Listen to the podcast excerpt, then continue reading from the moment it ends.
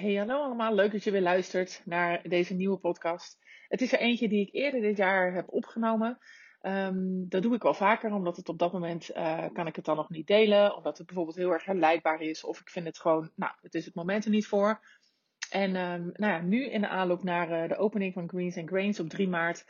Um, en ver voorbij de situatie waarover ik praat, is het eigenlijk een perfect moment. Dus ik uh, deel hem vandaag met je. Ik ben benieuwd wat je ervan vindt. En uh, volgende week probeer ik weer een uh, uitgebreidere, uh, recente update te delen. Um, nou, veel luisterplezier.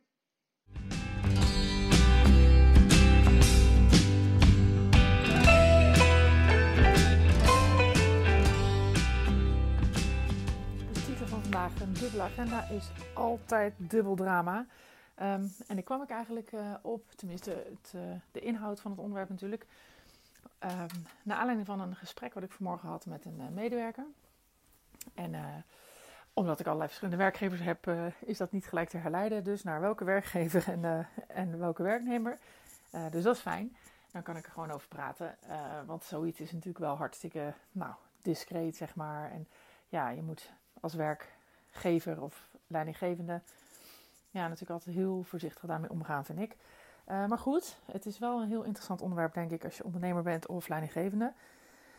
Um, en dat is um, dat je natuurlijk heel vaak uh, tegen gaat komen uh, dat mensen op een gegeven moment nou ja, niet meer gemotiveerd zijn om bij je te werken. Um, of niet meer bij je passen, hè, want dat kan natuurlijk ook. Mensen kunnen je ontgroeien. nou, of jij kan hun ontgroeien, dat kan natuurlijk ook. En dat is op zich een heel gezond en prima um, iets. Alleen is het voor werknemers vaak wat ingewikkelder. In de zin van, vaak heb je als leidinggevende of als ondernemer dat al eerder door. Dan dat je werknemer het uh, wil toegeven op zijn minst. Hè. Dus wellicht ook niet eerder door heeft. Maar het toegeven ervan is natuurlijk ook weer een ander item. Maar vaak zie je als, uh, als leidinggevende natuurlijk de signalen in motivatie um, of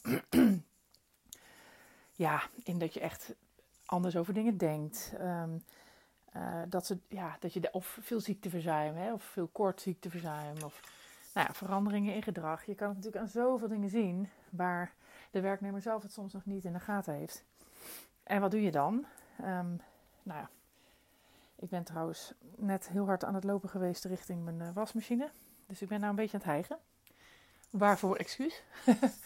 um, Maar ja, wat natuurlijk lastig is als leidinggevende of als, uh, um, of als uh, ondernemer, is dat je last hebt van dit soort medewerkers. Dus die hebben het meestal niet zo'n fijne vibe um, of niet zo fijne consequenties in het dagelijkse werk.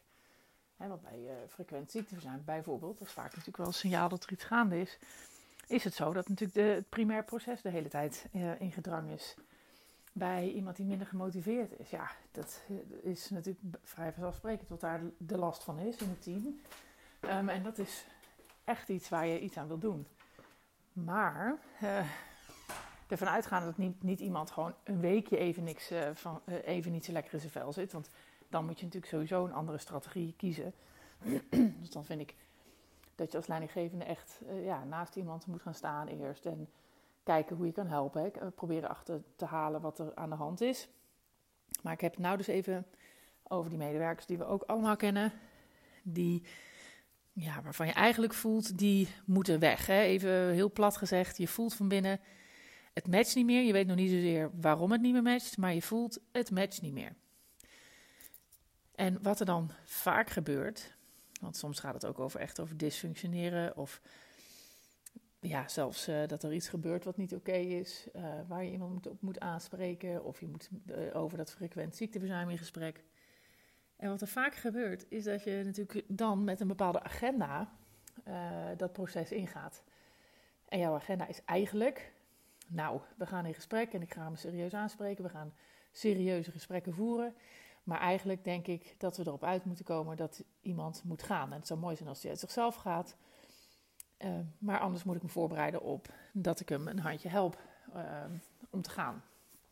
In alle eerlijkheid is dat wel iets wat op zijn minst wat je een keer voelt in, de, in dit proces.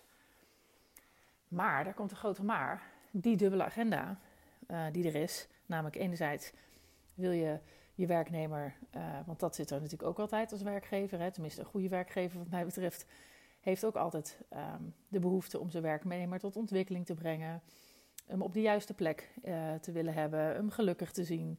Hè, daar heb je ook als werkgever het meeste aan, maar dat, wil je, dat gun je ook je medewerkers. Ja, dus dat agendapunt heb je. Maar er zit ook een agendapunt onder van, ja, maar uh, ik heb ook uh, voor mijn zaak te zorgen en als het niet werkt, dan werkt het niet en dan moet hij gewoon weg. En hij verstoort het teamproces of, of juist het, ja, hè, de inbalans in, um, disbalans in kosten, hè, omdat die elke keer vervangen moet worden bij ziekte of nou wat dan ook. Hele legitieme dingen waar je je zorgen over kan maken natuurlijk als werkgever. Maar die dubbele agenda die er is, die is altijd uh, voelbaar in de manier waarop jij gesprekken voert. En uh, die is, dat is een soort duwende kracht die de medewerker altijd zal voelen. En die dus ook altijd zorgt voor een dubbel drama, namelijk je hebt het gevoel dat iemand niet meer op zijn plek is, maar die persoon gaat hangen of tegenwerken of voelt aan alles dat er iets is wat niet oké is en gaat of in een weerstand of in een discussie of in het wantrouwen, dat je zo van wat is hier nou gaande, wil die me nou weg hebben, vindt hij me niet goed. Er zijn vragen over, um, nou ja, maar hoezo heb ik het dan niet altijd heel goed gedaan voor jullie? Hè? Dus dat soort signalen zijn echt, die zijn echt voelbaar en dan heb je dus echt een dubbel probleem. Want dan zit jij in gesprek met die, uh, met die medewerker en dan kom je geen steek verder. Want uh, allebei je agendapunten voor je, eh, die jij voelt in je hart van enerzijds je wilt de medewerker op de goede plek hebben en gelukkig zien, haal je niet meer, want hij raakt, hij of zij raakt in een weerstandsrelatie met jou en, en maakt de ongelijkheid tussen werknemer en werkgever groter. Dus dus dat, dat, de positieve agendapunt krijg je ook niet meer over tafel. En dat andere, niet uitgesproken agendapunt van ik wil hem eigenlijk weg hebben.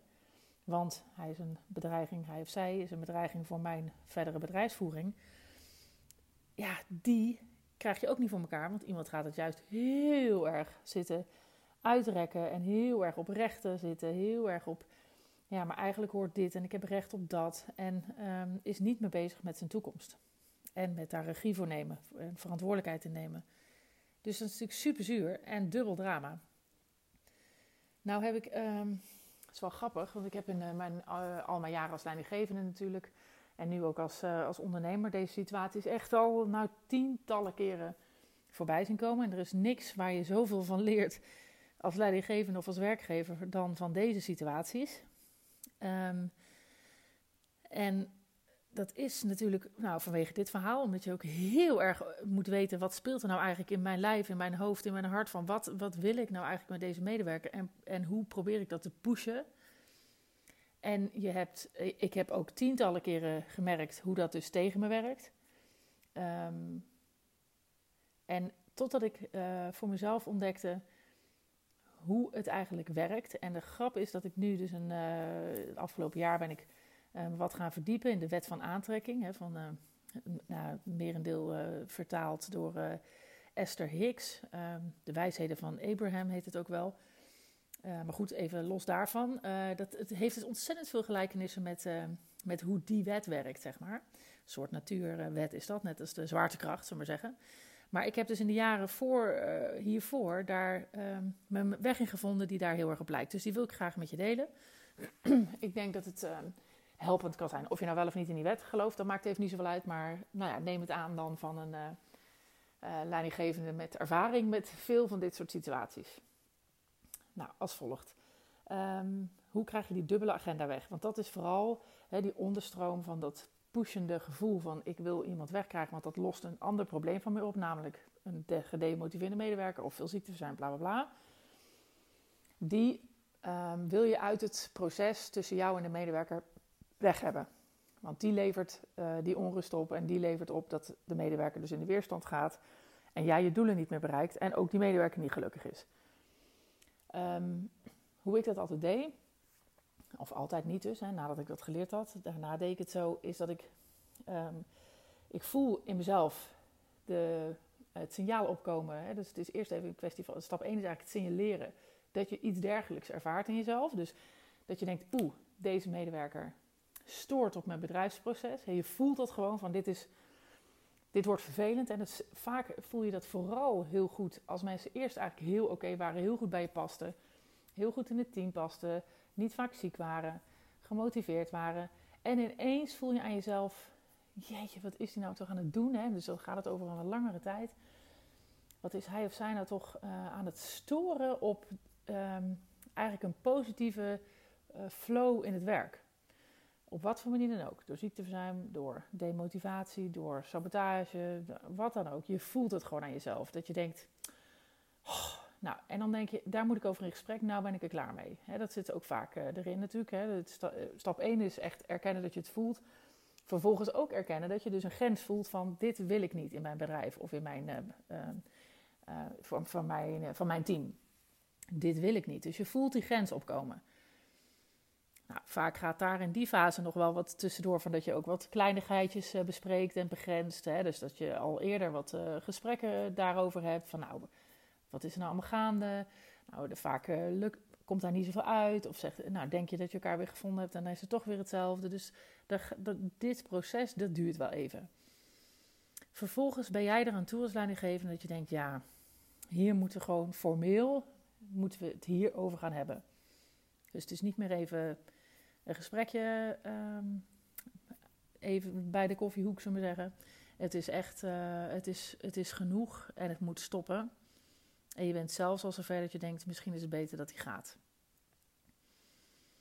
Je bent vaak in deze fase ook wel een beetje kwijt dat je graag wil dat de medewerker zich goed voelt. dus dat, dat, dat eerste deel van je agenda, uh, namelijk je wil een gelukkige medewerker, is even wat verder op de achtergrond. Nou, je plant die afspraken, je zegt daar moeten we het echt over gaan hebben. En eigenlijk heb je de strategie uh, in je hoofd. Nou, daar gaan we het dan een paar keer over hebben. En ik begin hem en uh, doe je allemaal volgens de, regeltjes van leidinggevende en gespreksvoering. Maar dan moet het eigenlijk al eindigen met nou ja, een afronding. Of hij gaat zelf, of ja, we stoppen ermee op een andere manier. Dit is het moment om aan jezelf te gaan werken. En uh, wat bij mij heel erg werkte, en ja, ik weet niet of het bij jou gaat werken, maar wie weet. Wat bij mij heel erg werkte, is dat ik echt probeer uh, terug te zakken in um, hoe heb ik nou gekeken naar deze uh, medewerker voordat dit allemaal gebeurde. Hè, wat, vaak heb ik heel erg een, een idee over iemands sterke kanten en iemands kwetsbaarheden. Ook weet ik vaak heel goed van, nou, uh, die persoon wordt altijd een beetje uh, gespannen op het moment dat er veel veranderingen zijn, want daar kan hij niet zo goed tegen. Of ehm, als de druk wat opgevoerd wordt op het rooster. Hè. Dus heel vaak heb ik een soort van beeld al in mijn hoofd van wat iemand moeilijk vindt en waarom. En ook waar iemand goed in is. Hè, en, en hoe ik. Hè, ik probeer dat gevoel dus echt terug op te roepen dat ik die medewerker weer in zijn geheel zie. En ook echt zie. Um, en ook echt weer dat gevoel uh, heb in mezelf van ik gun deze medewerker het allerbeste. Dat is mijn taak als werkgever. Is dat ik mijn bedrijf goed voer. Dat ik een, uh, een mooie team heb die de klant of de gast een uh, gave ervaring kan bieden. En dat doe ik met blije, gelukkige medewerkers. Dus het is en mijn menswens om iemand gelukkig te zien, maar ook mijn werkgeverswens. Want gelukkige medewerkers maken gelukkige gasten of klanten. Dus dat gevoel probeer ik heel erg op te roepen. Dan vervolgens probeer ik ook vanuit het perspectief van die medewerker te denken. Ja, waar is hij nou mee geholpen? Hè? Wat is nou zijn perspectief? En dan loslaten wat je voor ogen hebt voor die persoon. Hè, dus hij moet weg. maar echt gaan denken van, goh, um, ik zou die medewerker echt gunnen dat hij op een uh, plek is uh, die bij hem past. Uh, dat hij weet wat hij wil. Uh, dat hij, ik gun hem dat hij gemotiveerd en enthousiast is. Dat hij daarmee zijn volle talent kan benutten. En dat ook echt voor je zien. Dus echt weer die medewerker centraal stellen. Vervolgens erboven gaan hangen. En jou als werkgever ernaast zien. En ook zien. En dit, is een, uh, dit, dit en dit en dit is wat ik als werkgever niet meer wil zien. He, dit is waar ik last van heb als werkgever. Dat zijn dus kleine onderdeeltjes van het beeld van die medewerker. He. Dus het is, je hebt een totaalbeeld, die is positief.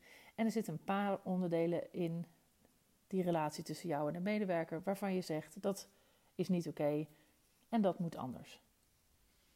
Nou, dat kan zijn, ik merk geen motivatie meer, kan zijn dat ziekteverzuim gaat mis.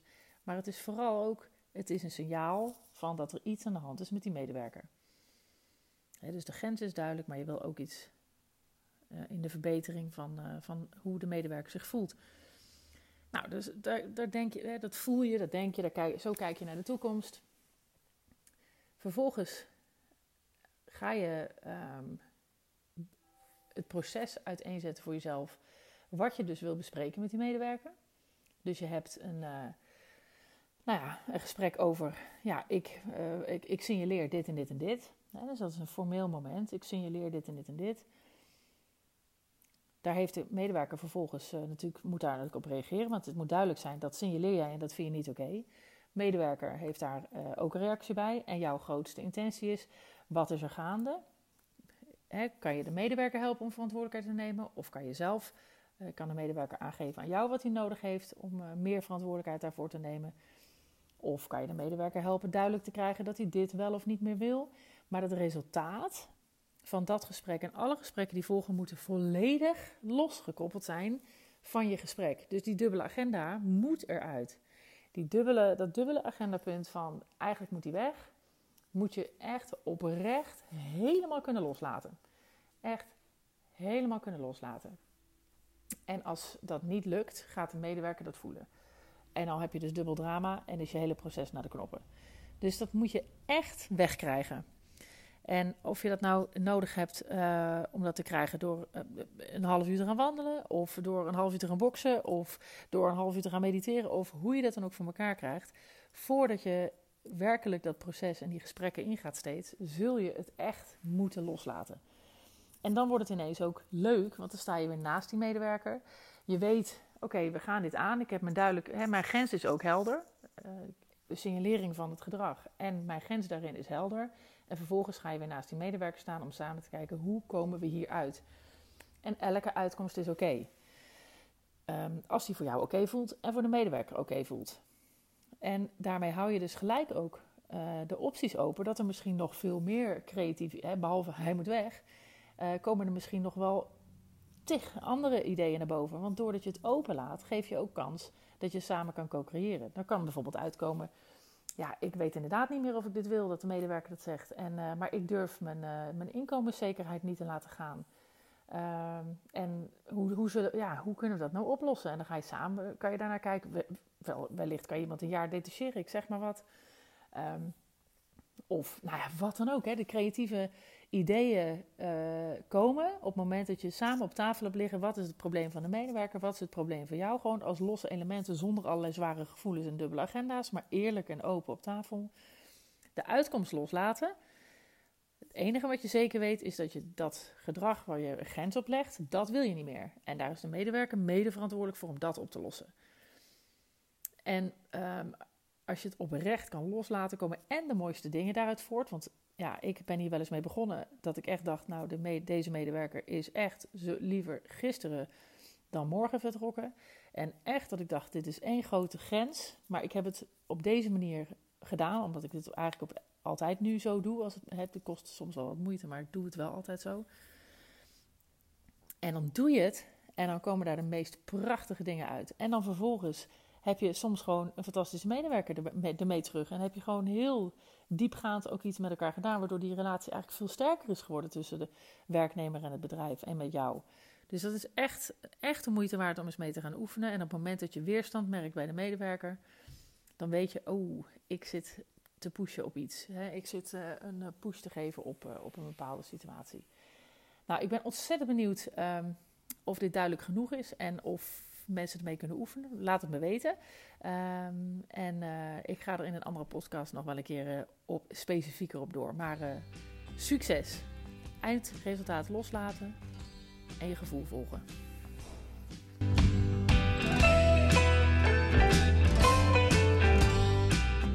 Lieve mensen, dat was hem weer. Ik hoop dat je hebt genoten van deze podcast. En op naar de volgende uiteraard. Het zou mij ontzettend helpen als je de podcast zou willen delen op social media. Zoek me op op Instagram en Facebook onder Juke Stellinga. Tot de volgende keer.